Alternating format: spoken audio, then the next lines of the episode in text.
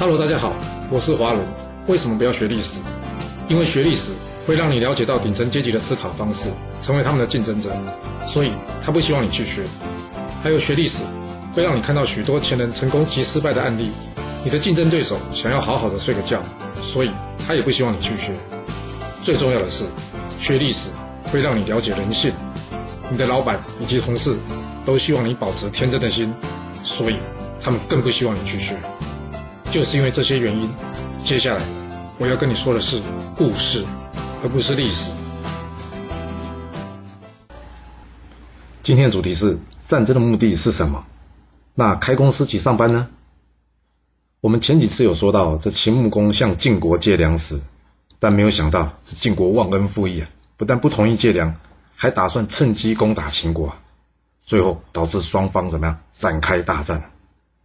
这战争过程我这边就不详述了，先来说说这晋惠公干过的坏事吧。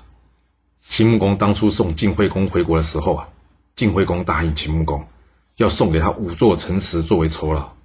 后来他回国之后啊，立刻反悔不给了。而前一年呢，晋国发生饥荒，秦国二话不说送来了大批粮食来帮助晋国。但现在呢，现在反过来秦国发生饥荒啊。晋国却是要联合外国来攻打秦国，还好这场战争的结果是秦国战胜了，并且抓住了这个小人，谁？晋惠公啊！那要是你是秦穆公，你觉得你该如何处理这个忘恩负义的小人呢？第一，杀了他；第二，把他关起来；第三，还是忘了他吧。其实思考问题要从你的目的是什么开始去想。而不是这么做爽，来触发思考。那么想想看，这场战争的目的是什么呢？是为了处罚晋惠公这小人，还是为了要粮食，还是要那五座城池，又或者是还有其他的目的呢？好了，有了这些目的之后，你就可以开始思考刚刚的处理方式了。第一，杀了他。嗯，这样可能可以处罚景惠公这个小人，但是会不会导致这晋国剩下的人民担心秦国要灭了晋国，而与秦国拼命呢？要是这战争发展成持久战，秦国的粮食会不会不增反减呢？而秦国有把握能攻下这五座城池吗？这么想就知道，嗯，第一点可能不合适，对不对？那好了，再来想想第二个，把他关起来。这样好像也可以处罚晋惠公这小人，但是一样的问题啊，能要得到粮食以及之前欠的五座城池吗？还有就是，假设这晋惠公要是不小心给他逃走了，这下大家的仇不就更大了吗？这怎么解决呢？那要怎么办？难道选择第三点放了他吗？那这仗不就白打了吗？你还记得我们之前说过吗？郑庄公那个答案不是只有对与错的故事吗？你可以再想一下，要是你，你会如何选择？我们先停个三秒。好，现在来揭晓秦穆公最后的选择吧。他的答案是什么？答案三，放了他。哟，怎么会选这个答案呢？不过呢，秦穆公放了晋惠公是有前提的，一。当然是要他把之前答应给秦国的五座城池给送过来。